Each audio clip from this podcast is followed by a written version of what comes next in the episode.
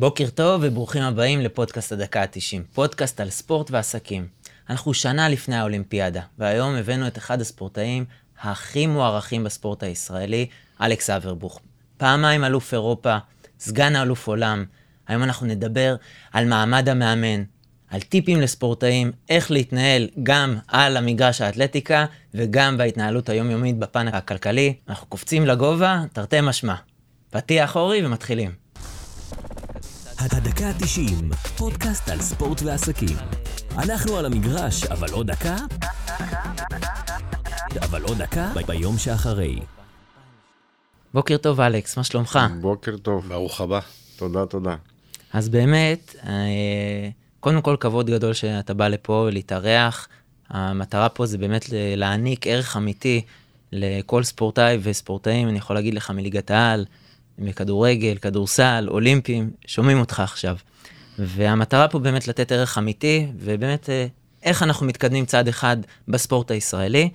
אני רוצה לקחת אותך ל, לרגע משמעותי אה, שאותי באופן אישי מאוד ריגש, אה, אליפות אירופה 2002, במינכן, עומד על הפודיום, שני גרמנים לצדך על אדמת מינכן. איך היה הרגע הזה? אני חושב שזה הרגע הכי ישראלי, הכי אותנטי שלך. נו, אני אגיד לך שזה... ב-2002 הייתי ספורטאי מקצועי, באתי למגרש, הייתי צריך לתת מקסימום. עכשיו אני מבין, וואו, מה עשיתי, איך עשיתי, כאילו עם השנים, אתה מבין על כמה שזה היה משמעותי וחשוב אה, גם למדינה.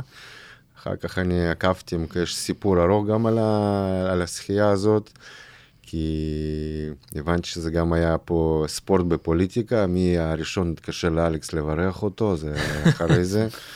קצת מבין את ה, שזה גם חשוב, גם הכבוד שנתנו לי, כמה שראש הממשלה מתקשרת, היה אריק שרון וכל המסביב, ועד כמה שזה היה חשוב בדיוק 30 שנה בהיסטוריה וסיפור הרצח שהיה במיונכן והתקווה, זה באמת צמרמורת כזה, ואחר כך הייתי ב...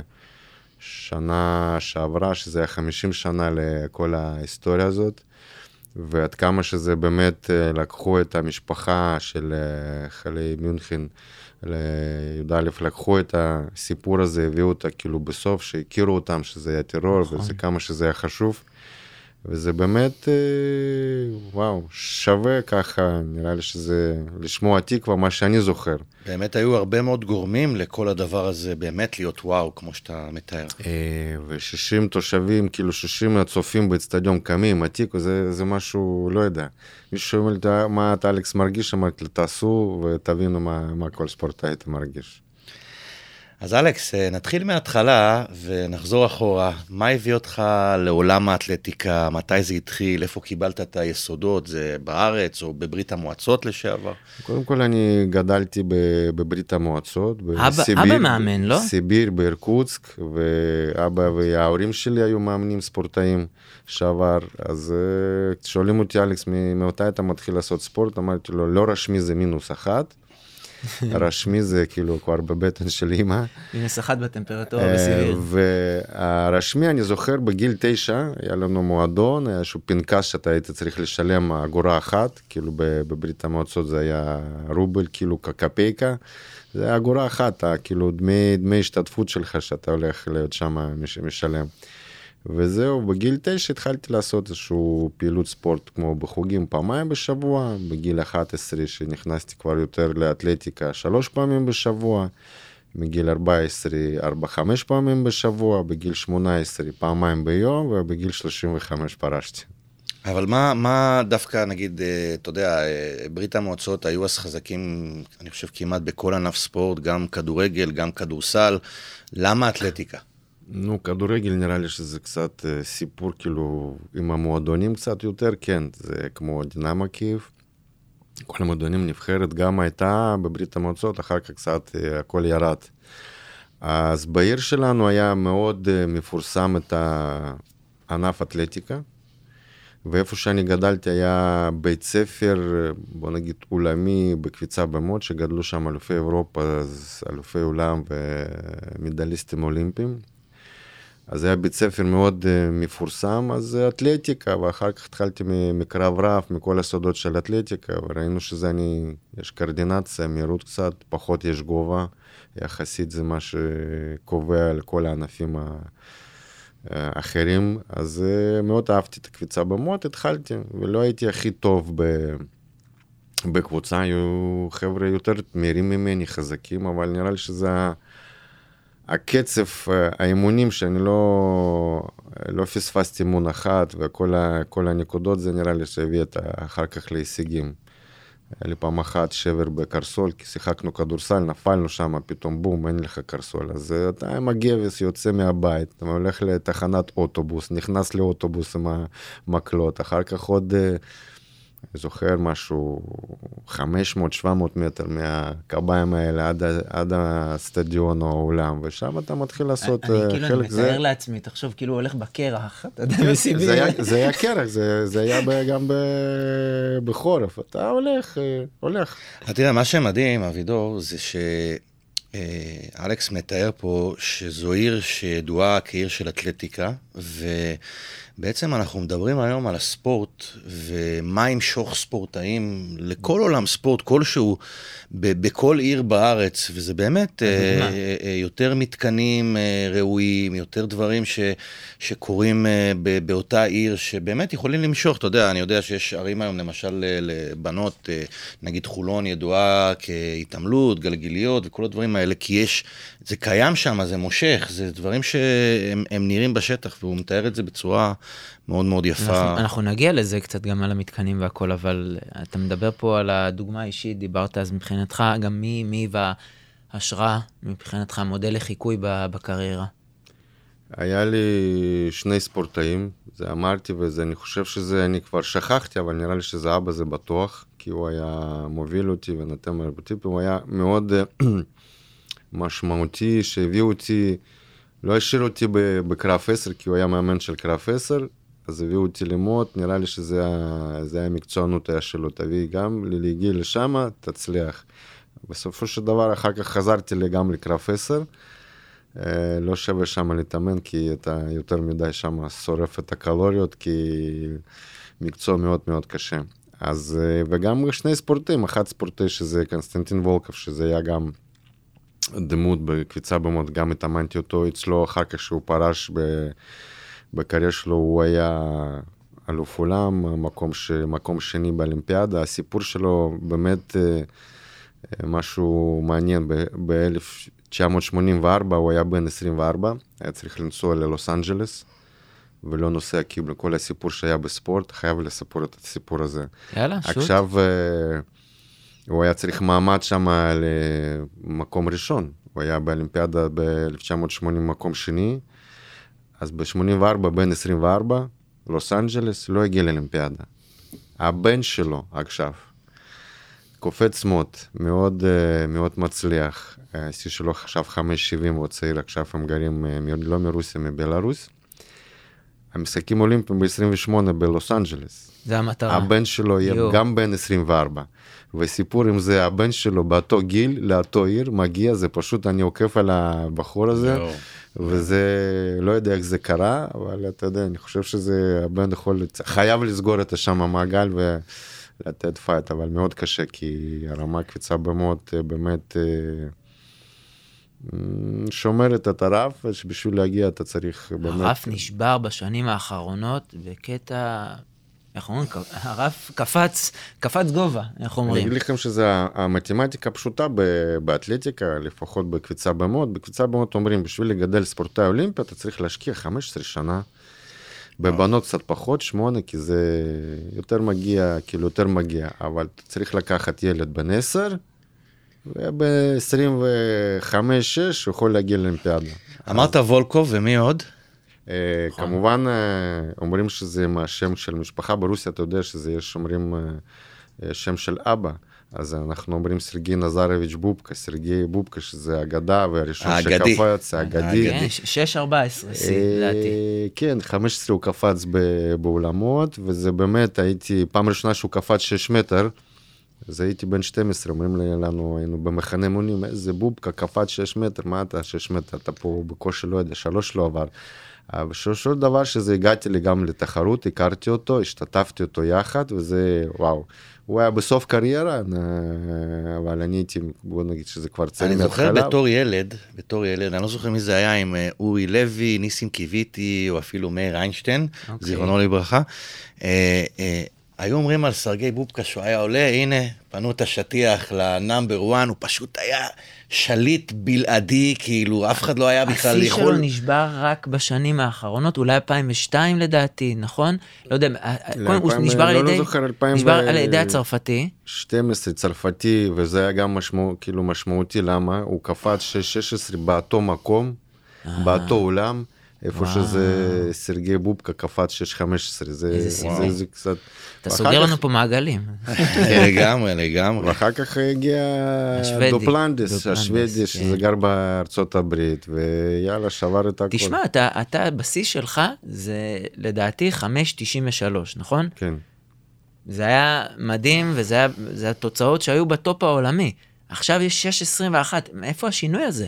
זה שינוי מטורף. לא, רק יש אחד שקפץ ככה, אומרים, אמרו שזה הבובקה, פעם אחת היפנים צילמו אותו, והיה לו קפיצה מעל ש- 6.30, נראה לי שהוא לא- לא רצה יותר מדי לקפוץ, להשאיר למישהו, אבל אה, תמיד יש אה, מישהו אחד, שהוא בלתי, הוא אלוף עולם, שיאן עולם, וזה באמת... אה, לא, אבל נגיד מה, מה הממוצע של ה... אני מדבר של הפודיומים עכשיו באליפויות אירופה, אליפות עולם, זאת אומרת, יש קפיצה אני- עדיין אני של אגיד- 6 אני מטר? אגיד לך שזה ב- במספרים פשוטים, תמיד אם אתה רוצה להיות על הפודיום באליפות עולם, 5.90. וזה לא השתנה כבר אה, כמעט 20 שנה. אתה רוצה להיות שמה, 85, 90, תמיד יש איזשהו אחת, אבל 5.90 ופלוס, זה הכל שם. ואתה אתה שמה. רוצה.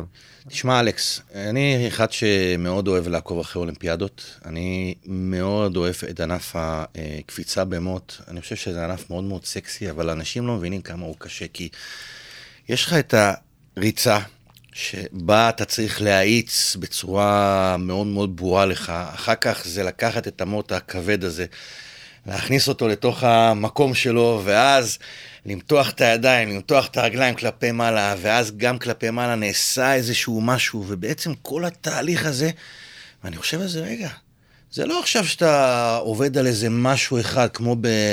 אתה עובד על כל כך הרבה דברים במהלך הדרך בשביל להגיע למשפך שבו ה...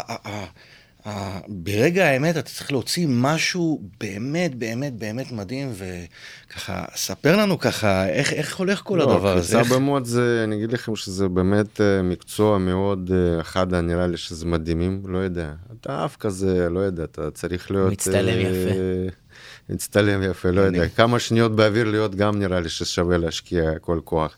מאוד אה, דורש את הפיזיות. כי בסך הכל, כאילו כל גוף עובד, גם חלק העליון, גם רגליים צריכים, בלי מהירות אתה פחות, אה, פחות יכול להיות תצליח. אתה יכול לקפוץ, כי זה גם, אה, יש שם הרבה ביומכניקה, איך להשתמש במוט, איך לעבוד, איך אה, להבין. אה, ענף מאחד הקשים פסיכולוגי, כי זה, אומרים שזה שלוש ענפים שמאוד קשה פסיכולוגי, זה רמת המשקלות, קפיצה לגובה, קפיצה במוט, כי לפני ביצוע אתה כבר יודע, וואו, זה, זה קשה, לא עשיתי אותם. רמת המשקלות 200 קילו, איך להרים אותו, מה, מה קורה עם המרפק שלי, מה, מה קורה עם זה, כל המצבים, אותו דבר בגובה, זה קצת גם ראש צריכה להיות אה, אה, מאוד מאוד מאוד מאוד חזקה. מהרגע שאתה באת ועמדת, וזה זה, זה התור שלך, איך שאומרים, עד סיום הקפיצה, כמה שניות זה הכל? יש לך דקה הרי לעשות, לבצע, אבל בתכלס, בפועל, כן, בתחרות אה, קוראים לך לקפיצה, נותנים לך דקה לביצוע, אבל בסך הכל אתה צריך מגיע, אנחנו תמיד מסתכלים שזה הרוח יהיה בגב, קצת לא יפריע. ואתה יוצא תוך כדי ש- עשר שניות, אתה צריך אה, לזכור מה אתה צריך לעשות, אחת, שתיים, שלוש, יוצא ל- לביצוע, ריצה, 30 מטר, אני חושב שזה, לא יודע, 15 שניות, אפילו פחות נראה לי, אתה כבר אה, יודע, קפצת או לא קפצת, וזה משהו. המוט לא כל כך כבד, זה שתיים וחצי קילו. יש? איזושהי נקודה, אלכס, שאתה יודע שהקפיצה שלך היא טובה, או שזה רק בנפילה? כי אתה יודע, אני לא, לא, רגיל לא, זה- לראות, אני רגיל לראות, אתה יודע, אלה שעוברים, אחד הדברים שקורים ישר, אתה יודע, אתה רואה אותם, אתה רואה את המוט ככה בטלוויזיה, אתה אתה רואה אותם. עושה, כבר- כבר יודעים שהם הצליחו, ו- אבל האם יש איזושהי נקודה במהלך הקפיצה, שאתה יודע שהכל עובד לך כמו שאתה רוצה, ואז אה, זה הרבה יותר קל, או ש... אני, אני הרגשתי שזה פה יש פודקאסט טוב, כי השאלה שלך זה אף פעם לא שאל אותי על הנקודות האלה. אז תודה על השאלה. אז כן, זה יש... מסקרן, אתה כן, יודע, מסקרן זה מסקרן מאוד. ויש מתכוננים אליך, אלכס. יש נקודה, יש נקודה, כאילו, יש אה, נקודה שאתה נכנס עם המוט, שמוט נכ- מכניסים אותו לנאיץ, איזשהו נאיץ כזה תחת לרצפה 20 סנטימטר, הוא לא, המוט לא זז משם. אז כשאתה נכנס ואתה מרגיש שיש לך תנועה, תנועה ללכת, אז אתה כבר עושה את ה... עושה את ה... שאתה הולך להפוך את הגוף לקפיצה, אז שם אתה, אתה מרגיש שזה הייתה, כאילו... את אתה- הדחיפה, את התקיפה. ה... אז אני מזכיר גם את המיונכן, בתחרות שם אנחנו עשינו את המוקדמות, במוקדמות הייתי לא כל כך טוב. המאמן, זיכרונו לברכה, ואלי קוגן אמר, אלכס, אני הסתכלתי, הכל טוב, אתה צריך לקחת מאוד חזק. אוקיי, מאוד חזק, כאילו מקפיץ אותך יותר חזק. במאוד חזק צריך קצת את הדברים גברי קצת בשביל לקחת. אז היה שם גובה 5.75, כי לקחתי את המוט אה, באמת אה, חזק. אמרתי לו, זה היה נקודה. כאילו, אם הייתי קופץ, וואו, זהו, אתה מקפיץ, אתה, אתה הולך. אם זה לא, אז הלך. אז שם אני, אני זוכר עד כמה שזה רצתי והכל היה עד, כאילו עד הסוף, ו, וקפצתי, אמרתי, וואלה, זהו, אני אלחם. אחר כך גובה הבא הייתה 5.80, כשקפצתי 5.80 אמרתי לו, זה היום שלי. לא יודע, הרגשתי הולך טוב, אני לפעמים, לא יודע, יש, יש משהו שזה עוזר לספורטים מהצדדים, מלמעלה, גם בטוח. ושם אמרתי, זה יום אחד, כמה שזה צריך לקפוץ, אני אקפוץ היום. אז יש, יש רגעים, בסך הכל בכניסה, כאילו שאתה מקפל את המוט, נכנס בו, יש שם תנועה, איך אומרים, המוח אה, של הגף אומר שזה הכל טוב, לך, אה, לך לקפוץ. תגיד, מה ההישג או החוויה הכי גדולים שהיו לך ב... ב... ממה שאתה זוכר את עצמך בקריירה? אה, לא יודע, זה נראה לי שזה הרבה. פעם אחת, אה, באמת שהגעתי לארץ, לא ידעתי עברית, אתה חי, אתה לא יודע, הגעת למדינה אחרת ממינוס 30 פלוס מינוס לפלוס 30, חם פה. ובאמת המילה הראשונה שלמדתי פה היה כמובן שלום ומזגן. זה, זה היה פשוט כאילו מצחיק, אנחנו, אני זוכר. שלום במזגן, זה גדול. ואחר כך. הלכנו עם אבא ברחוב, אמרתי, אבא בוא נלך ניכנס ל- לחנות. אמרתי, אלכס, אין לך כסף, מה אנחנו נקנה? אמרתי, שם יש מזגן, בוא כמה דקות. אבל רגעים, יש תקציב ויש מזגן. אבל באמת רגעים, מה שאני זוכר, אה, שהשתתפתי פעם ראשונה, כשנכנסתי כאילו לאליפות עולם בשבילי פעם ראשונה, עשיתי גם גמר. אומרים שזה וואו, היה שני, שני גמרים, שדני קרסנוף היה גם בגמר, גם אני, אמרו שזה, שכחו שזה אלכס, הבאתם לנו תקציב לאיגוד, וזה וואו, שני, לא ציפינו שזה יהיה מדליה, אז אה, אני זוכר שזה... באיזה שנה אנחנו מדברים? 99. אוקיי. שנת 99 עשיתי עלייה ואליפות עולם ראשונה, אז... אה, עלייה ב-99, תשמע, זה לא בעלייה של רוב. אה, כן, אז ש- שהיו שם חבר'ה קופצי מוד שעשו קצת טקטיקה, לא הלכו לקפוץ 580, וכמו שאמרתי על אליפות עולם, משחקים אולימפיים צריך להיות 90, 5.90. אז הלכו ל-90, ואני קפצתי 580 בניסיון שני, הייתי... הייתי ככה בטופ של שלישייה, שניים קפצו מעל 5.90 והרבה כאילו פסלו 5.90 ולא דילגו ל-5 לא קפצו. אז היה שם ספורטאי אחד שזה היה צריך לקפוץ 5.90, אני כבר פרשתי, לא עברתי את הגובה הבא, הוא צריך לקפוץ, ואם הוא עובר אז אני רביעי, אם זה לא עובר אני שלישי, אז אני מחכה ופתאום הוא לא עובר, אני, אי, מאיפה? עשיתי, הייתי בסיביר, הגעתי לארץ, מקום שלישי, וזה היה קצת, לא הבנתי, אבל אחרי שלושה ימים אחרי, הלכתי ברחוב, אמרתי, אלכס, אני לא מאמין, אני מקום שלישי בעולם. כאילו, אתה לא יודע איך להסביר, כאילו, אתה בסדר, אתה המקצוע שלך, אה, ואחר כך אה, שאלו אותי, איך, איך, איך זה אפשר להסביר? אמרתי לו, תחשוב, אתה, אתה נהג מונית? כן. אבל תחשוב שאתה עכשיו נהג מונית שלישי בעולם, לא יודע, הטכניקה שלך, הגישה שלך, אתה מקום שלישי בעולם. וזה אני חושב שזה צריך אה, אה, להביא את העולם והתרבות בארץ, איך אנשים ששגיא מוקי אלוף עולם זה וואו זה חבר'ה אלוף עולם תסתכלו כמה יש יפנים ומדליות אולימפיים שהגיעו לנו לינוי אשרם ארתום דולגופט אני חבר'ה תבינו מאיפה מאיפה זה הגיע זה צריך uh, באמת גם צריך לדעת להעריך אפילו אתה יודע הנה שגיא עכשיו היה מקום חמישי באלוף, באליפות עולם. אתה, אתה מבין מה איזה גודל ההישג הזה? אנשים לא מעריכים כאילו זה, זה לאחר יד אבל זה לא זה, זה מטורף להיות קודם כל חמישי בעולם ובטח אם היית אלוף עולם עוד יותר. אבל אתה, אתה מדבר פה על שנת 99 שהגעת לישראל, ופתאום, וברוסיה השקיעו המון בספורט, ידוע במהלך שנות ה-80, אני לא יודע, לא. זה כל- יש שם מערכת אבל- סיסטם אבל שהיה ריק- עובדת כן. זה, אבל אני שואל משהו אחר, הגעת בישראל תקציבים יחסית נמוכים, מה היה הרגע המכונן שבו הצלחת כן אה, בסופו של דבר להתעלות, להגיע לגבהים האלה של להיות מקום שלישי באליפות עולם, איך זה בא לידי ביטוי? בסופו של דבר הגעת ממדינת ספורט, בטח באתלטיקה, לישראל שהיא לא מדינת ספורט אתלטיקה. Uh, המילה עוד נוספת שאני למדתי פה בארץ זה הפוך. אז אומרים שאלכס, אם אתה היית נשאר ברוסיה, היית מגיע להישגים? אמרתי לא.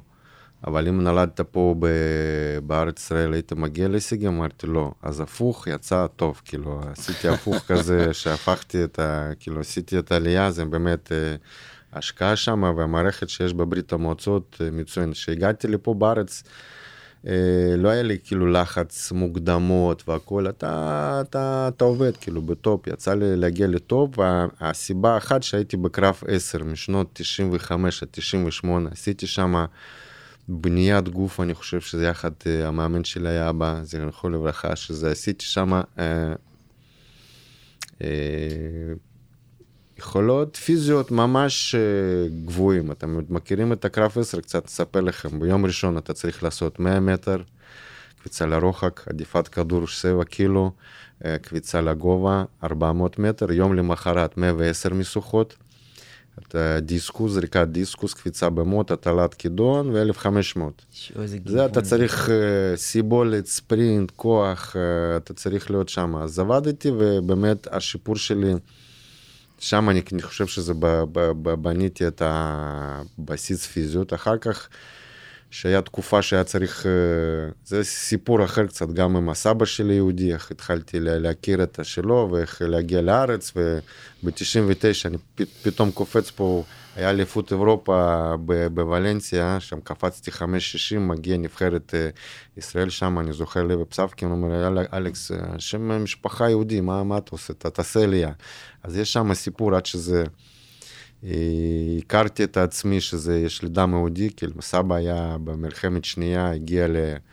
לסיביר, נולד שם אבא, וכאילו הוא ברח אחר כך למוסקבה, אז אתה, אתה גודל בסיביר כמו, כן. כמו, לה- כמו כולם. אז אה, זה הסיפור כזה קצר ו, ו, וארוך. ומשם הבסיס הזה הגיע, שאני מקרב 10, התמקדתי למקצוע אחד, הכוח היה. והגעתי מאמן, אה, הכרתי אותו ולרי, שזה המאמן הלאומי שהביא את הספורטאי השני שקפץ 6 מטר אחרי בובקה, רדיון גטאולין, כאילו המאמן עם ניסיון. ומפה מתחיל להיות אה, פיתוח כזה, ואני לא יודע, גדלנו קצת גם בסיביר, לא היה משהו שאתה צריך להיות יותר טוב, אתה לוחם שם עד הסוף, ואני חושב שזה מנטליות גם קצת היה, היה משהו שזה עוזר. אלכס, אנחנו עכשיו שנה לפני האולימפיאדה, אוקיי?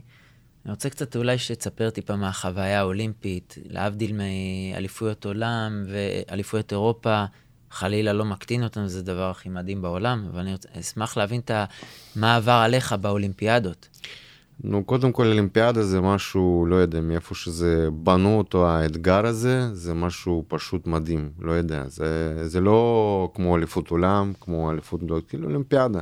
קודם כל זה פעם בארבע שנים, כמו כדורגל מונדיאל, ופעם אחת דיברתי עם אנשי כדורגל, אמרו לי, למה אתם לא לחמים להיות ב- באולימפיאדה? אה, לא, בשבילנו מונדיאל והכל, ועכשיו שזה נבחרת, קודם כל השיגה את הקריטריון, וואו, אומרים שזה... זה, זה טוב, אנחנו רוצים להיות פה, שם... כי אף פעם שם... לא חשבנו שיש לנו סיכוי בכדורגל. פה קופץ לי כל, ה, כל הנקודות, עכשיו אני לא יודע איזה ספורטאים בסגל, אה, שנכנסו לסגל, איזה משכורת הם יקבלו. אם אתם תיכנסו למשכורות של הספורטאים האולימפיים, זה קצת מצחיק, מצחיק אותי, אז אני רוצה, אני לעקוף אה, כמה, כמה ספורטאים מהכדורגל יקבלו כסף, זה פשוט גרושים מבחינת אה, כדורגלן. אז אני... אני חושב ששם מה שיהיה יותר חשוב זה באמת לייצג את המדינה. לא, לא, ברור, ברור, אבל אנחנו מדברים גם על הספורטים האולימפיים, שזה... שהולכים להיות שם. אז בגדול אתה נכנס לסטדיון מבחינתנו, זה לא כמו כדורגל, אתה נכנס לטקס פתיחה וטקס סיום, היא תמיד באצטדיון אתלטיקה, סטדיון שאני מכניס 80-100 אלף איש, תושבים. ואתה מתחרה בסטדיונים הגדולים, כאילו אליפות עולם, אבל האווירה שאתה נכנס ומסביב, תקשורת וכל העיר שלבוש באולימפיאדה ו- ומדברים, ו- ופתאום רוצים שאתה תצליח ו- וכולי וכולי, אז אולימפיאדה זה באמת משמעותי להגיע. איפה זה? ומה שמדהים, שאתה אומרים לך אולימפיאדה ב-2024 בפריז, בשני לאוגוסט, לדוגמה, בשש בערב, גמר, זהו, לא זז שום דבר. זהו, אתה, אתה צריך להתכונן דקה, דקה, שנייה, שנייה, לא משנה, אתה חולה, לא חולה, כואב לך משהו. כולם לא צריכים להיות uh, שם. אני חושב שמה שיפה באולימפיאדות זה באמת שהם מכניסים את הספורטאים לאווירה כבר, ב... כן, כבר בטקס הפתיחה, שזה שונה מכל האליפויות האחרות, וזה שם... אגב, אתה יודע שבכדורגל מתחילים טיפה לפני טקס הפתיחה. אה, יכול להיות, אבל... אה, יש כמה ענפים שמתחילים קצת לפני, כי צריך להיות אה, מוקדמות ו... אבל טקס הפתיחה מכניס לאווירה המסחרת. ואלכס, תראה, אתה הגעת לאתונה ב-2004 עם הרבה מאוד ציפיות. אני כיועץ מנטלי היום יודע שמבחינה מנטלית יש הרבה מאוד עבודה, במיוחד בענף הספורט הזה. ואיזה דברים עשית בשביל להתמודד מנטלית לקראת האולימפיאדה הזאת, ומה קרה שם בעצם? נו, ב... קודם כל כן, אתה מזכיר אולימפיאדה, שזה שמתי על האולימפיאדה הזאת, אה, נראה לי שזה הכל. כאילו, זה היה, בוא נגיד שזה הייתי 2004, הייתי בן 29, ניסיון כבר, אליפות אירופה, עולם, הכוח פיזי, הכל, כאילו זה היה, אמרתי לו, זה אולימפיאדה שלי. Mm-hmm. קודם כל, כשהתחלנו את העונה, אז עשינו כאילו הרבה הכנה, כאילו המשפחה, אני רוצה לעודד את כל המשפחה שלי שתמכה בי וגם אשתי והכל, זה לא ראו, לא אותי בבית, כאילו מחנה אמונים, עבודה, הכל, זה היה, זה היה משם. מנטליטי זה פחות קצת אה, עבדתי, אה, לא היה משהו הכנה מנטלי, היה דברים, אתה צריך להיות יותר, יותר חלק, כאילו יש כל מיני ספורטאים עם הג'וקים שלו. אה, הייתי יכול לשנות משהו בדרך הכנה, אם אתה מזכיר אותי, הייתי שונה קצת. אה, כאילו בהכנה לאולימפיאדה, אבל אני לא חושב שזה היה גם, גם מפריע לי. Mm-hmm. לקראת אולימפיאדה עשינו מחנה אמונים, לא היה כל כך מוצלח, וזה, אתה יודע, הנרבוסים קצת מתחילים להרוג אותך, אבל זה לא היה כל כך בסדר. מה שהיה מפריע לי בוודאות, אני בן אדם שאוהב אה, קצת יותר שקט. זה, אני חושב שזה גם קשור למנטליות. אני מתחיל להכנה, רוגע. לתחרות, אה, ואני אני אוהב את היותר יותר כאילו, יותר כאילו שקט. אני, מישהו מכיר אותי, אני תמיד מבקש אם זה יש אפשרות לגור אה, לבד. אוקיי. Okay. שאני לא רוצה לש, כאילו לשמוע, אני פחות מדבר. אני שומע, אני זורם אה, לשיחה, אבל אני לא מדבר. נכנס לאוטובוס, זה כבר היה שם אחרי אולימפיאדה כמה נקודות שמישהו תרצה לדבר איתי, אז כבר המאמן, מאמן אומרת לחזוז משם, מאלכס, אל תפריע לו. אז זה, זה אחת, זאת כאילו, אני לא יודע, אתה סופר את האנרגיות נראה לי בשביל ביצוע. קודם כל עשיתי מוקדמות באולימפיאדה ב-2004, אף פעם לא עשיתי מוקדמות כאלה. יש לי קטע כזאת, להיות סטטיסטי, צריך לעשות, כי איפה שאני נכנסתי האחרון במוקדמות, שם אני זכיתי במדליות. בסיביליה נכנסתי מקום 10. ב... אמרת גם במינכן. במינכן אה, קפצתי 45 כאילו בקושי ולא יודע מה הייתי גם מקום 11 ה-12 נכנסים בגמר. Mm-hmm.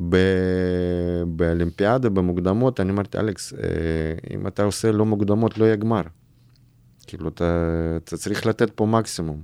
וקפצתי 5.50, 5.65, 65, 75 בניסיון ראשון. נכנסו לגמר אה, 16 ספורטאים, לא יודע, זו עונה, עונה הייתה קצת...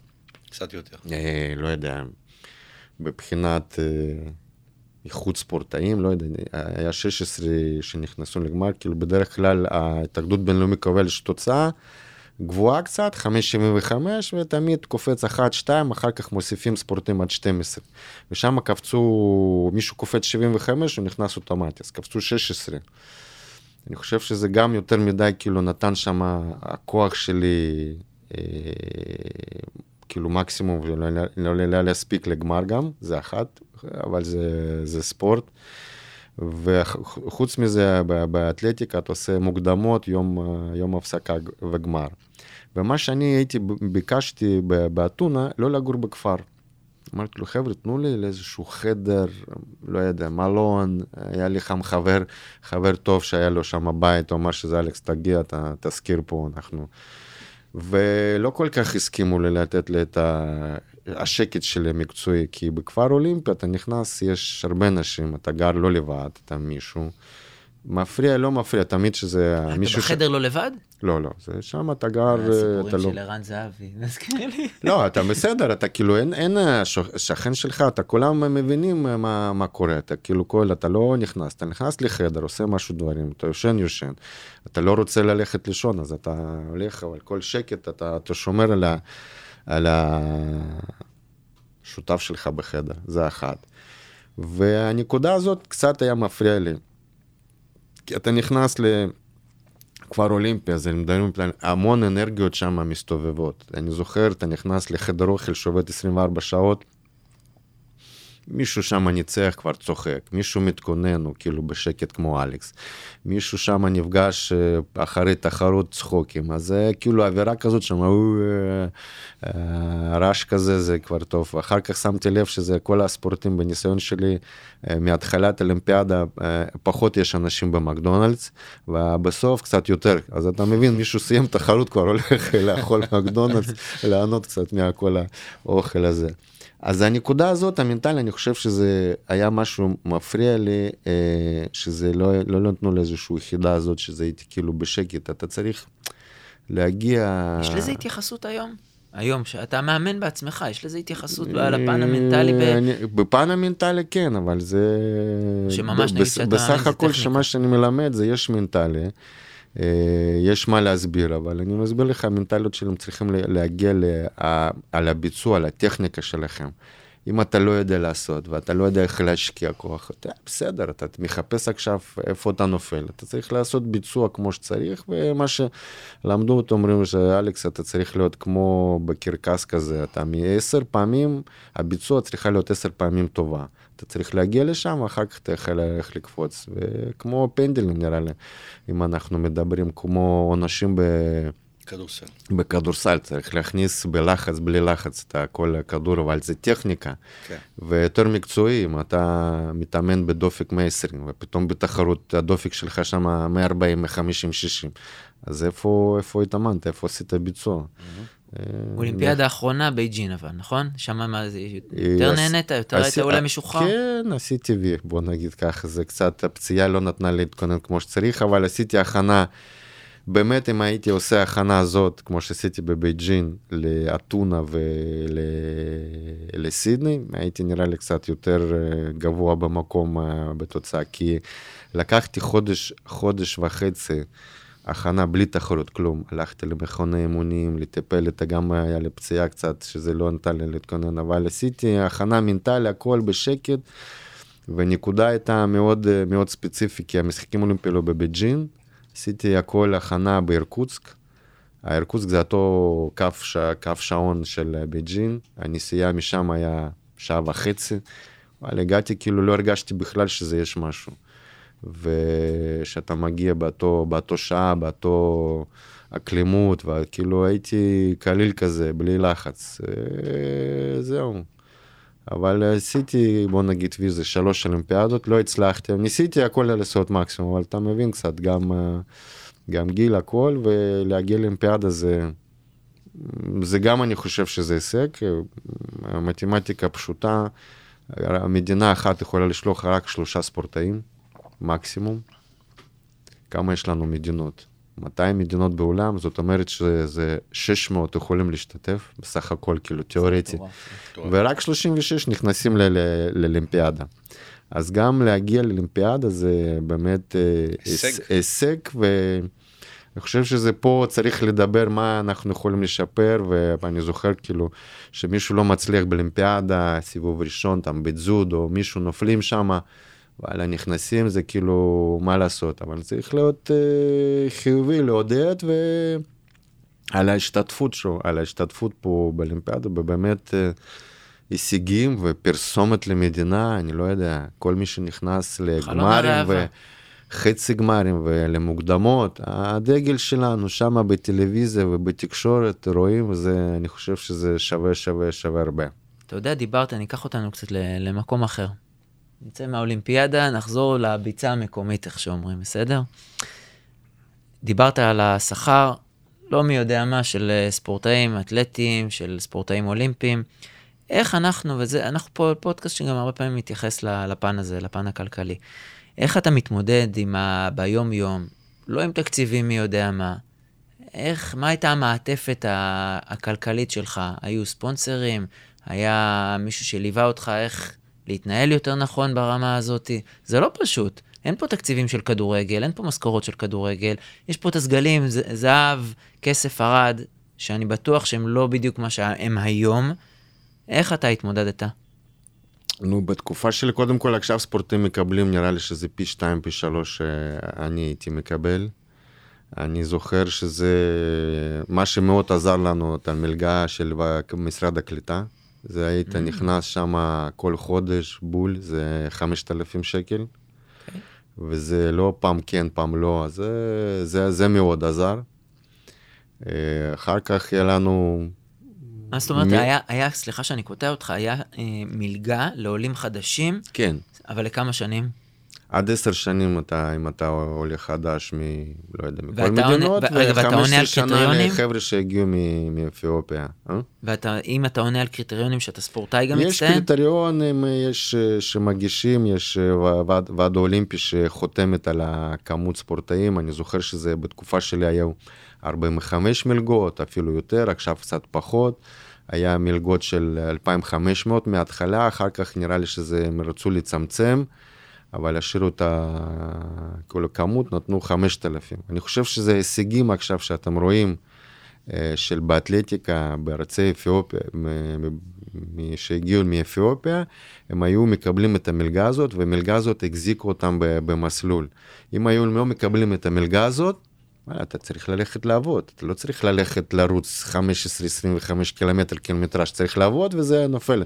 על ההישגים, מבחינתי, ההישגים שהיום חבר'ה, חוץ ממקצועי כמובן, ומאמנים והכול, הכלכלי, זה המשרד קליטה. אגודות, אין להם אה, כסף משהו לשלם, והיה מלגה שם ששילמו מההתחלה של ועד אולימפי, 5,000, 6,000, וב-2004-2005 היה קרן שם שהקפיל את ה...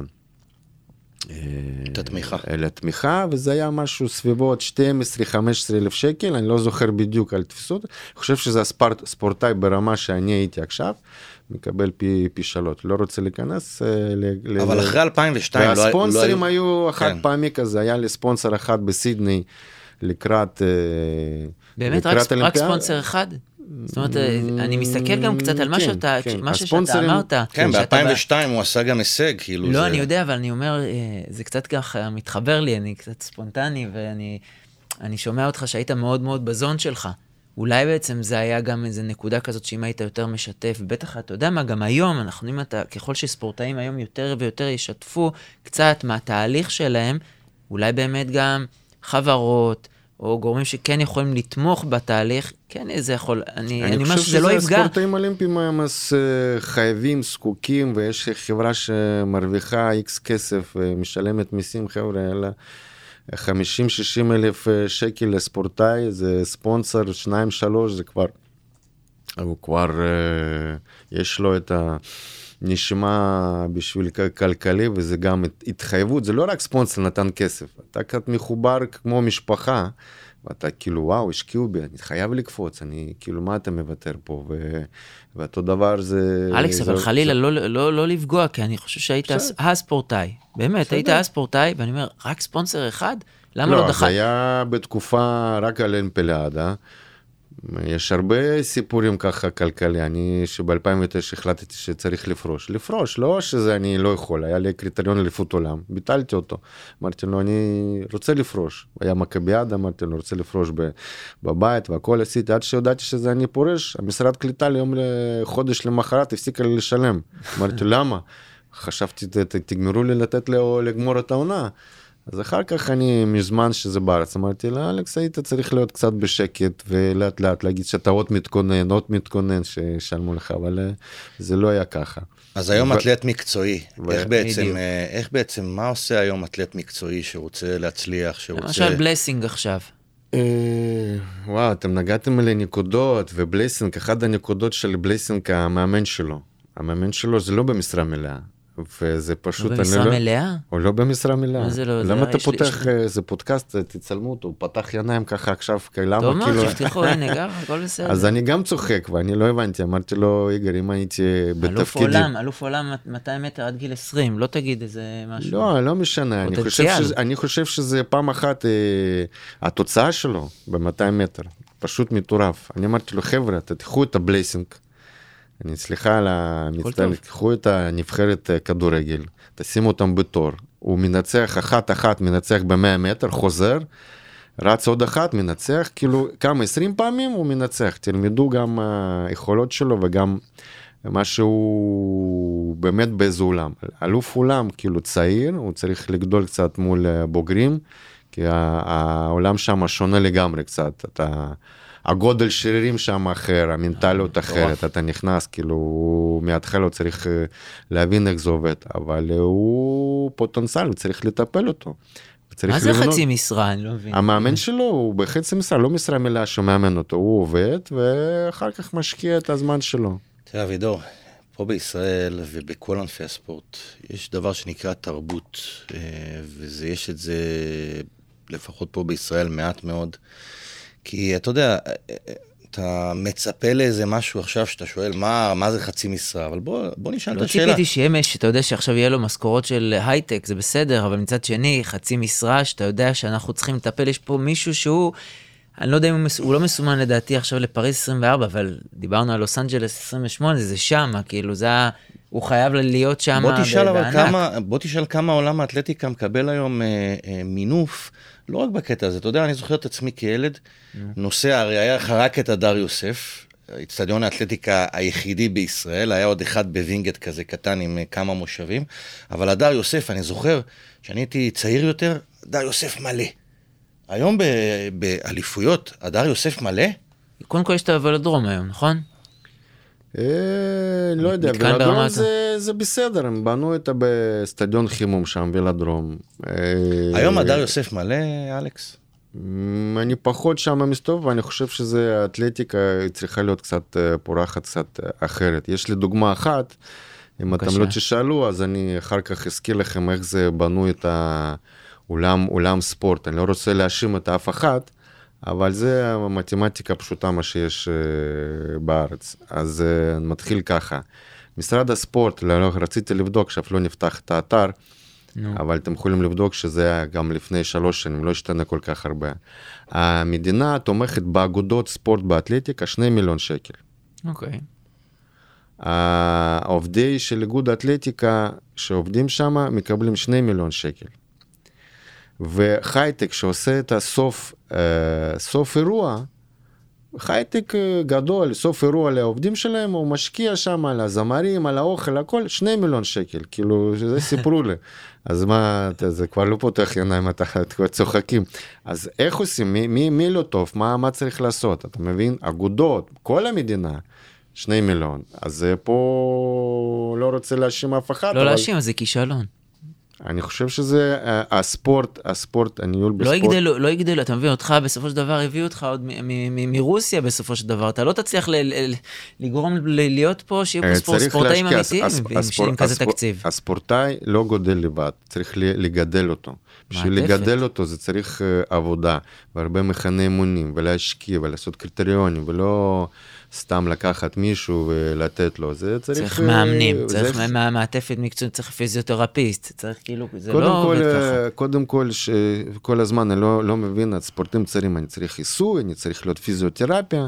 אמרתי לו, חבר'ה, אני פעם ראשונה שהתחלתי לעשות פיזיותרפיה ועיסויים, הייתי בגיל 22-23, אז מה אתם לא כל כך, אתם לא יודעים uh, לעשות עבודה טובה, לכו לים, uh, אמבטיה קרח, סאונה, יש דברים, מה, כבר פיזי...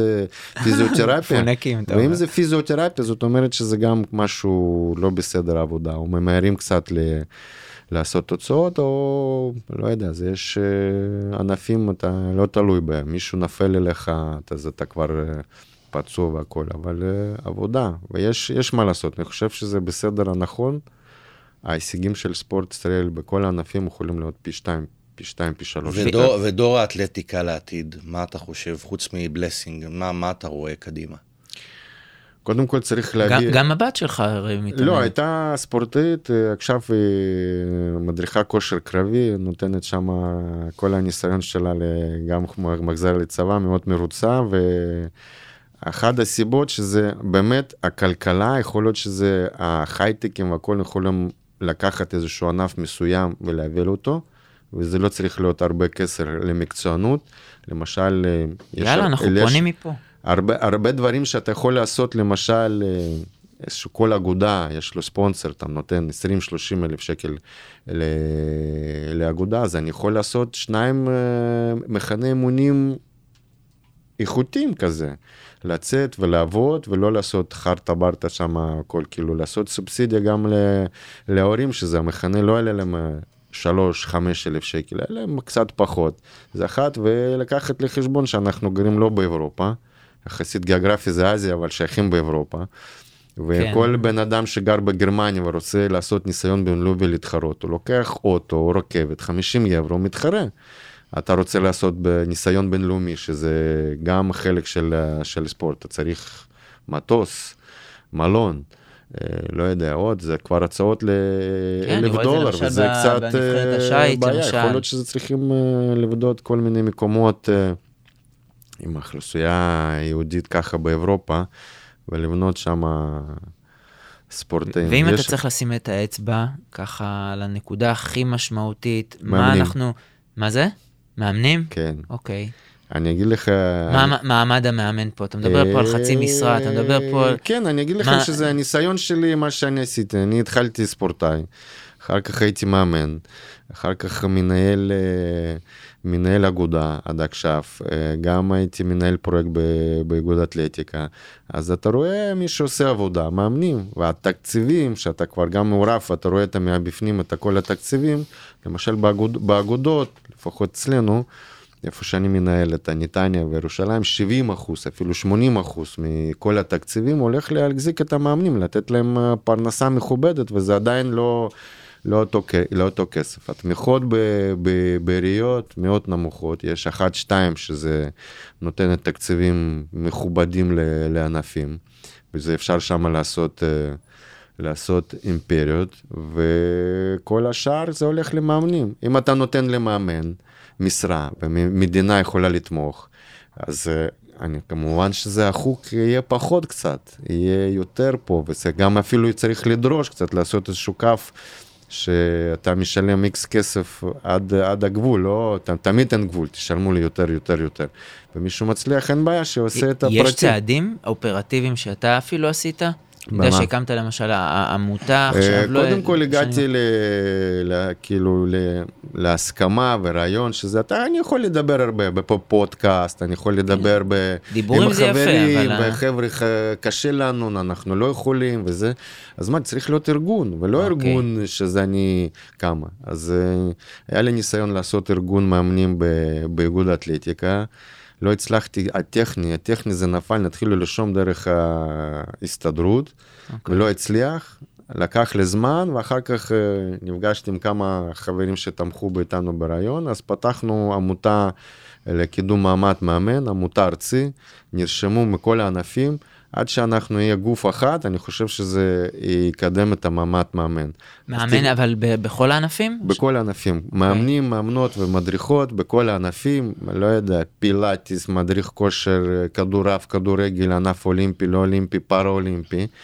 זה קצת, אה, אין לנו הרבה תקציבים ל- ל- להוציא את הפרסומת לדבר הזה, אבל תחפשו ב...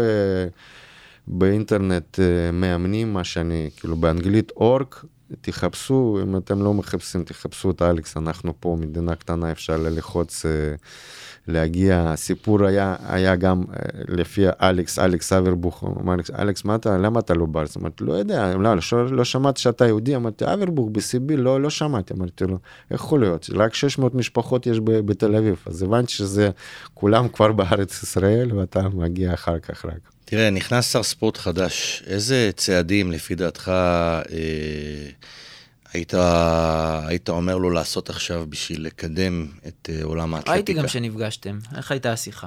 לא הבנתי עוד פעם?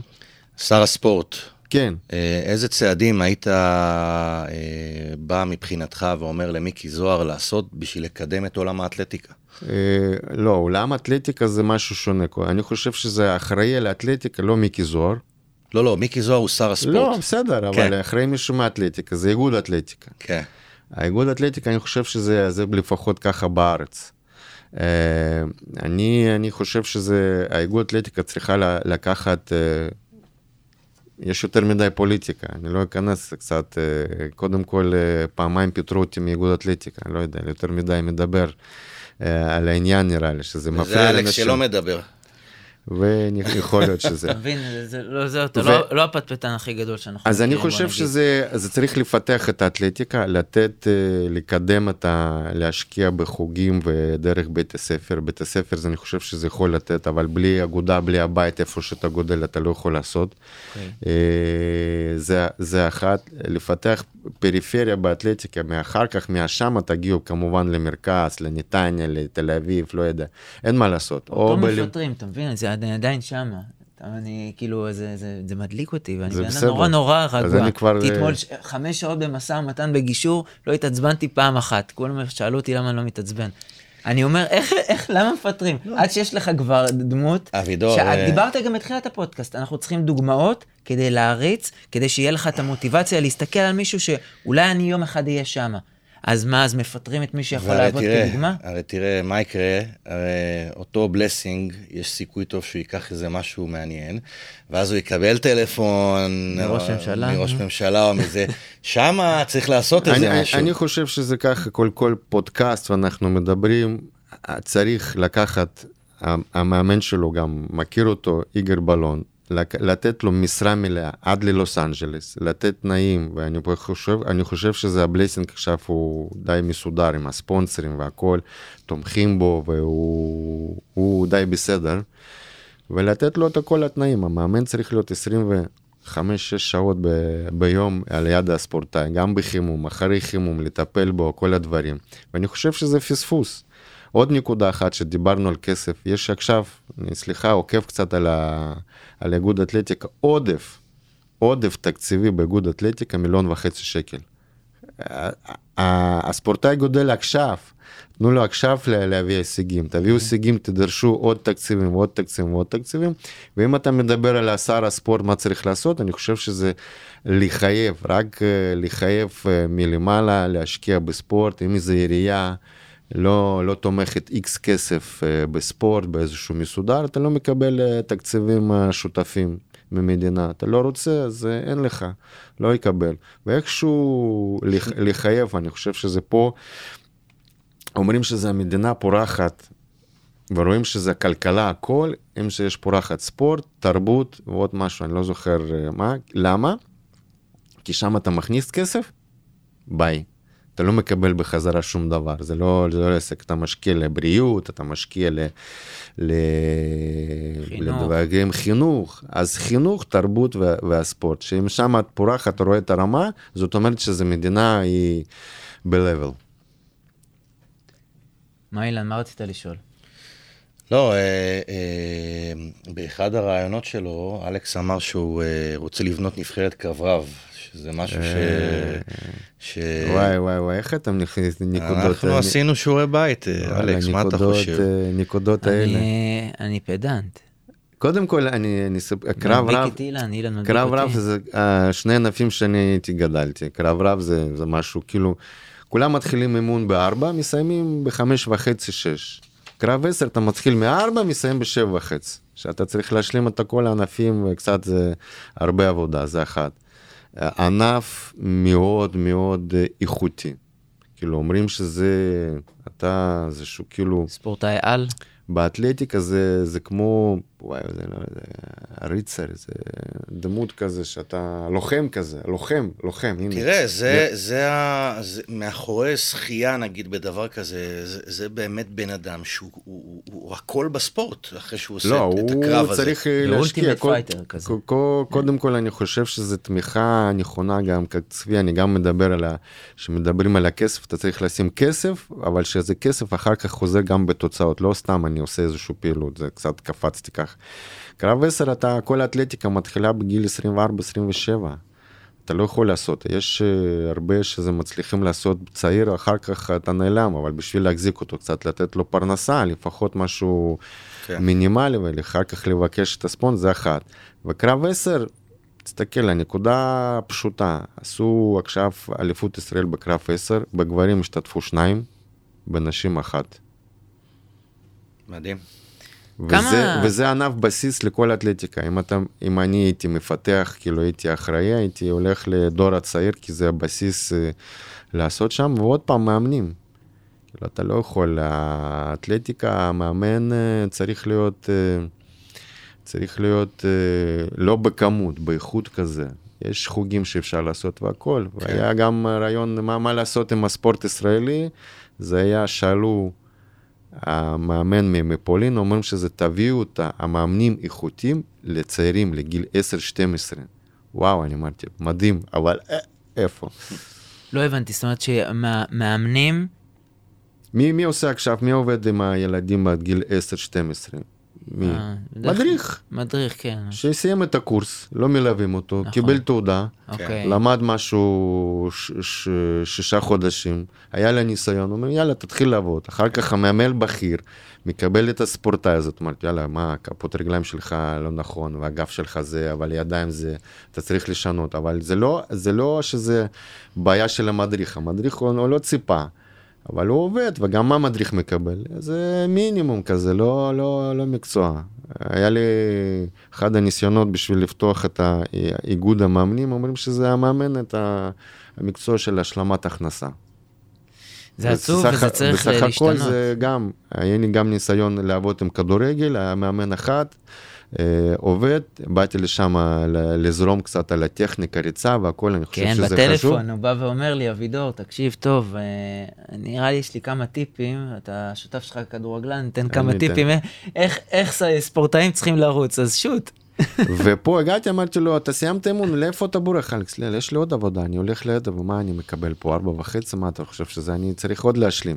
אמרתי, חכה, יש לך קבוצה, אולי לתת להם קצת אה, גמישות, כוח, לא, לא, לא, הכל טוב, סליחה, אני מצטער, אני לא אכנס עכשיו למועדון ולשמות, אבל זה, אני חושב שזה ייתן, אה, ייתן הרבה, הרבה, הרבה. איך באמת ספורט, אבל אה, כדורגלנים צריכים לרוץ, אם כבר העלית לי את זה אז בטלפון. אה, אני אגיד לך שזה יש הרבה סודות, אני, אני מסתכל על כדורגל ואני לא רק אה, מסתכל איך הם משחקים, אני אוהב אותה לראות איך הטכניקה של השחקן נחרץ. אמרתי לו וואו חבר'ה זה קצת אה, שונה ואתה תופס כדור, למה אתה הרגליים שלך מאחור, הם צריכים להיות מהקדימה. ויש לי עכשיו ניסיון שזה פונים אליי כמה שחקנים שבשביל לשפר, מסביר לכם אתה צריך להרים רגל, לדחות פה. אמרתי, אף אלכס, לא אף אחד לא סיפר לזה, אמרתי, אבל זה סודות א', ב', כאילו זה, יכול להיות שזה המאמנים, המועדונים צריכים קצת לשנות ולהיכנס ל, ליותר לשותפות באתלטיקה, כי דוגמה אחת, בדינה מקיף מה שמספרים לי, שהיה להם עכשיו עובדה יש מאמן בנפרד, שעובד רק יכולות אתלטיות וספרינטות, בנפרד, הוא לוקח אה, בלמים או כל מיני תפקיד שצריך לצאת מהר, מלמד אותם טכניקה ריצה, ריצת ספרינטר. אני רוצה לשאול אותך כמה שאלות אה, יחסית אה, שונות לסיום. בסדר? לפני שאנחנו גם נגיע לפינת 90 שניות, שאנחנו שואלים אותך שאלות ואתה חייב לענות מהר. אה, אה, כמה דברים, אה, תשמע, היית אתגר הנינג'ה. וואו, אוי, חבר'ה, זה... אד- זה- אד- היית אלוף ה-VIP של הנינג'ה, מה החזיר אותך וואי, קצת ל... וואי, וואי, זה, זה חיוך, האלוף הנינג'- אה, ה-VIP הנינג'ה הראשון, הראשון זה תופס לי קצת. וזה מדהים, אני עושה את ההרצאות במוזיאון ועד האולימפי, יש לי סרטון על איך אני קופץ ולקחתי אה, אליפות אירופה וקופץ, ואחר כך בסוף אני נותן את הוידאו איך אני עשיתי מסלול את הנינג'ה. חבר'ה, איזה כפיים אני מקבל בסוף, שאני אלוף הנינג'ה VIP, ואני אחר כך מסביר, חבר'ה, מה, אני לוקח אליפות אירופה, אני נותן לה עש- עש- עשר נקודות. בנינג'ה 2-5, כאילו, זה השקעה. איך, מה, מו? אמרתי לו, לא יודע. החזיר, החזיר את האדרנלין. וואלה, אדרנלין, כן, האתגר הזה, אני חושב שזה התוכנית הזאת באמת גרמה ל- לעשות, ל- לנוער לעשות ספורט. אני רואה הרבה שנוער כאילו הלכו עכשיו מתח וחוגים והכל. ואני חושב שזה זה, זה טוב, וכל ה, כל הטלוויזיה שגורמת, גרמה באמת לעשות ספורט. וחסר, אני חושב שזה חסר גם בספורט הרבה, הרבה ערוצים ווידאו שמסבירים, מלווים ועושים את, ה, עושים את ההסבר על כל הספורט. כאילו, אני מבחינתי אלוף, אלוף טניס שולחן, אלוף, אה, לא יודע, נינג', כאילו לא נינג'ה, אלוף אה, אתלטיקה, אלוף אה, כדורגל, זה אותו, אותו level צריך להיות. מסכים. יש לי עוד שאלה מאוד מעניינת עבורי. בסופו של דבר, אני, כשאני מלווה ספורטאים, בסדר? אז אני מלווה אותם בחוזים, במיסוי, ב sponsoring והכול. ועכשיו יש לך טאלנטית בב- בבית, נבחרה גם, לא יודע, תארים כאלה ואחרים, הבת שלך הקטנה. איך אתה מנהל את הקריירה שלה, שהיא דוגמנית, צעירה מאוד, מגיל מאוד צעיר? איך מנהלים דבר כזה בבית? נו, קודם כל אני מאוד uh, שמח שיש לי בת כזאת uh, יפה, אני לא יודע, זה, זה קצת, uh, אומרים שזה אבא ואימא והכל. גאווה אבל של בס- אבא. אבל בסך הכל, uh, uh, מי שמלווה אותו זה אשתי, נטלי עושה את העבודה, כמובן uh, סוכנות שהולך, אבל זה לא יצא, יאללה, בוא אנחנו ננסה, ננסה לעשות. Uh, הסתובבנו, אמרו לנו, אלכס, יאללה, למה תקחו אותה, זה יפה כזאת. בסדר, התחלנו, היה לו כמה אודישנים שלא עברה. פעם אחת הגענו לאודישן, אני באתי אחרי עבודה, אשתי אומרת, אנחנו במספר 345, אמרתי, מה זה? צריכים לקבל אותנו, מה עכשיו, עכשיו, לא יודע, 220, כבוד יודע. מה נעשה, נחכה קצת. אז חיכינו, לא התקבלנו. אז אחר כך זה הולך, תפס, והיא באמת, אה, איך אומרים, הקאמרה אוהבת אותה, או הפוך, הוא אוהבת קאמרה, ובאמת מצליחה, עושה, לומדת, עושה ספורט. אבל היא בארץ, בחו"ל? לא, לא, בארץ, והיא גם הראשונה שעשתה קמפיין בחו"ל מכמה חברות גדולות, ואני מאוד שמח, אבל אין, אין מטרה שזה פתאום אתה נכנס, היא לומדת, יש לה התחייבות בבית לעשות, אז אה, לא... איזונים ובלמים. כן, היא גודלת, אה, דורשים כל, כל עבודה, ו, ופה יש ניהול כבר מקצועי, נכנסת. שמע, זה עסק לכל דבר, הבת שלך. אה, כן. אני אומר את האמת. זה עסק לכל דבר, צריך פה מעטפת אה. מאלף ועד תף. כן. טוב, אבידור, הגענו לפינה אהובה אלינו, פינת 90 שניות. אה, תתחיל אתה. אני מתחיל היום. יאללה. טוב, אתה פותח את הטלוויזיה, אוקיי? אם לא אתלטיקה, מה אתה רואה? כל ספורט מה שברמה גבוהה, אני חושב שזה... כל ספורט ברמה גבוהה. אוהב את גם קבוצות אה, למים, אני אוהב את הרמה, כאילו אם ברמה גבוהה, אתה יכול לענות ב- בכל הספורט. מתי תהיה המדליה הראשונה באתלטיקה ב- בישראל? באולימפיאדה? באולימפיאדה, סליחה. זה היה כבר היה... זה... באולימפיאדה, יואו, יואו, יואו, חבר'ה, בואו נעשה, אני, אם ישנה משהו, אני, אני מקווה שזה יהיה בקרוב, אנחנו מצפים, לא פשוט, אבל אני חושב שזה... אה, תעשו, מה- לא רוצה להכריח, את- מה זה שאלות האלה? בוא נגיד, זה, 90 זה, שניות. זה, זה, זה יקרה ב-32. אוקיי, ספורטאי אולימפי שהרצת שהוא לא מהתחום של הקפיצה. במוט. באולם? לא משנה באיזה תחום, זה יכול להיות שחייה, זה יכול להיות ריצה, ב-100 מטר, לא משנה מה. איזה ספורטאי שהרצת ככה? יואו, איזה פאוזה פה, אני... איזה שאלות, זה, אתם תופסים אותי 90 בעריכה של שניות, זה הסרטון כאילו- אנחנו נשנה קצת טיפה, אבל אתה... וואו, באיזה, באיזה ספורטאי? אני חושב שזה משהו, מה, מה שקשור ב- בהתעמלות, כי הייתי קשור ל, לעולם התעמלות, אני יודע מה זה, מה זה עובדת, מה זה לעשות, לא, עולם התעמלות אה, מכשירים. וואו, אני, אני מצדיע לארטיום, איך הוא עושה, איך הוא וואו, נחוש, ספורטאי על. איך הוא נופל על הראש, אחר כך אה, עומד על הרגליים, על הפודיום למ- למקום ראשון, ואומרים שזה אלוף אולימפי, זה מעד הסוף החיים. אחר כך אתה סגן אלוף עולם, סגן, לשעבר, וזה אלוף אולימפי, זהו, נקודה. את מי אתה מסמן במשלחת הישראלית כמועמד למדליה? לעכשיו? כן, עכשיו, הוא- 2024, אתה- שנה לפני. אתה נותן לי, קודם כל אני רוצה להצליח, כאילו... לא אמרתי שאלות קלות פה. לא, אז אה, זה צריך... אני לא פום. עושה לך הנחות, הספורטאי, כן. אין הנחות. קודם כל אני רוצה לה- להצ... אה, בהצלחה לכדורגל, אני חושב שזה, הם צריכים לקחת את זה יותר ברצינות, לא שזה אנחנו באים לשחק, כי זה, זה משהו שונה. אני חושב שזה, צריכים לשרוף קצת, להגיע לגם ענפים אישיים ולראות איך באמת עובדים.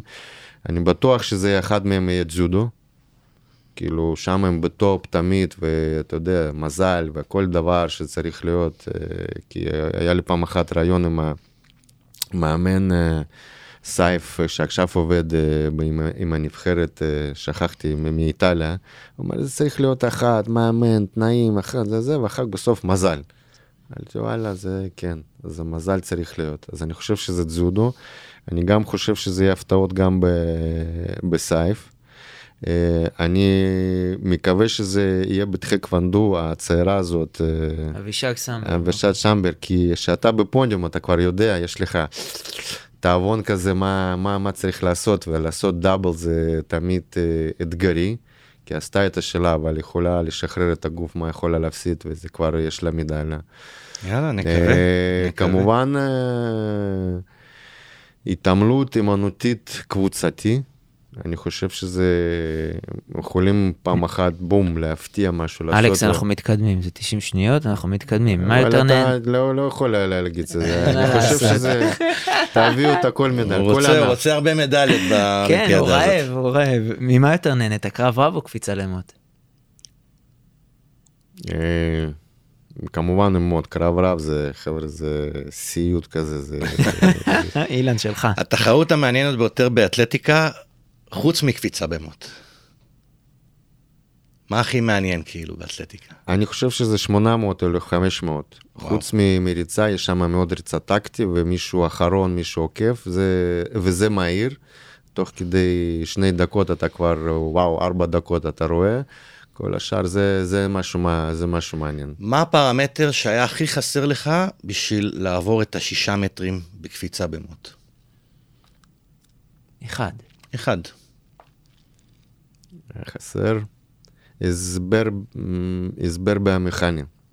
הסבר פעם- ביומכני. פעם אחת שאלתי, חבר'ה, תנו לי הסבר במכני אמיתי, כי היה לי מהירות, הכל, מה צריך לעשות, לקחת מוט חזק, אחיזה נמוך, או מוט יותר חלש, אחיזה יותר גבוה, מה ביומכניקה אומרת פה, איפה אני מרוויח, כי יש כל מיני, מוט חזק מקפיץ אותך יותר, כי אתה צריך לעשות יותר מהר. אז לא, לא קיבלתי, אז אני חושב שזה נקודה, נקודה אחת, יכול להיות שזה חלשה שלי, אבל חוץ מזה, ביומכני. ביום טוב. משהו אחרון, ובזה מסיימים, אבל אלכס, במילה, תנסה, אוקיי? אני זורק לך ספורטאי, אתה אומר לי במילה, יוסן בולט. אה, וואו, אגדה, לא אגדה, זה... ס- אגדה. ס- ספר, ספר. ספר. מייקל ג'ונסון. או, פש. כאילו אין, אין מילים כזה, אני מייקל ג'ונס זה... נעלי הזהב. זה שני ספרים נראה לי. סרגי בובקה. זה, זה, זה, זה דמות, כי הכרתי אותו אישי, זה דמות, דמות. דמות, קארל לואיס. היסטוריה. ג'ניפר גריפית ג'וינר. אה, איך אומרים, זה, זה סטייל כזה. סטייל. ילנה אינסייבה. סימבייבה? איסיבייבה. ביי, כן. וואו, זה... האישה הראשונה שזה קפצה חמש מטר ואיך היא הגיעה, הסיפור שלה קצת אספר לכם, אני לא מספיק פה 90 שניות. לא, לא, אתה חייב, אתה חייב, כי אני עובר כבר לארמנד רגע, אה, דופלנטיס. שהוא שיאן קפיצה, קפיצה למוט. 16. אז אני חושב שזה, אני אענה לך ככה, האיסימבייבה זה דופלנטיס, הדופלנטיס זה איסימבייבה. אוקיי, טוב. ה- ה- הדופלנטיס, אני אגיד לך משהו שונה, דופלנטיס זה משפחה. מה זאת אומרת? אבא שלו מאמן, אמא, בנו אותו, איך תמכו בו, אז הכל סביב שמה, כאילו, המשפחה, כאילו, הוא... אבא היה קופץ מאוד בשעבר, הוא שם את. בחסר שלו מתקן קפיצה במוט, הוא התחיל לקפוץ בגיל תשע, אתה יודע, אין פחד, לא יודע, אתה, אתה מרגיש, אתה עובד כל הזמן. שנה לפני האול- האולימפיאדה, שאלה ככה אחרונה. מה הייתה העצה האחרונה שהיינו נותנים לוועד האולימפי? איך אנחנו באמת נקפוץ עוד מדרגה, נצליח באולימפיאדה הקרובה?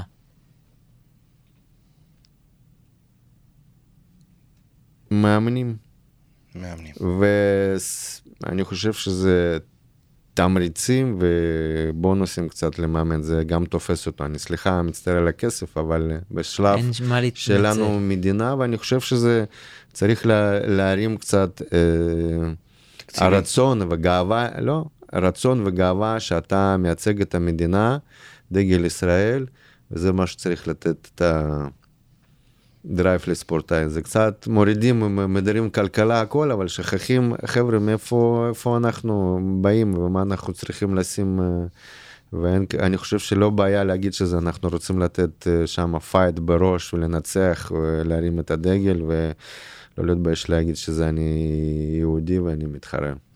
אלכס, אתה מענטש אמיתי, וכבוד גדול שבאת לפה, ממש אה, כיף גדול ככה גם לסגור את השבוע ביחד, אז ממש תודה רבה רבה לך. תודה רבה, נהנינו. אני, אני גם נהניתי, תודה שזה תנו לי קצת אה, להוציא את הפער וכל השאלות שלכם, זה באמת היה בהפתעות, תמיד אתה מגיע, מה, מה, מה יכולים לשאול? הכל כבר כתוב, יש, אבל אתם מציעים גם את אה, נקודות מאוד ספציפי. אחלה. ודקה 90, חבר'ה, 85 אה, דקות, אם זה 90 שניות, 90 דקות, אז 85 אה, דקות, כדורגלן עושה אתלטיקה, רץ בלי כדור, זה במקרה טוב. טוב, אחלה. תודה רבה. ספורט. תודה רבה. תודה לכם, תודה. הדקה ה-90, פודקאסט על ספורט ועסקים. אנחנו על המגרש, אבל עוד דקה? אבל עוד דקה ביום שאחרי.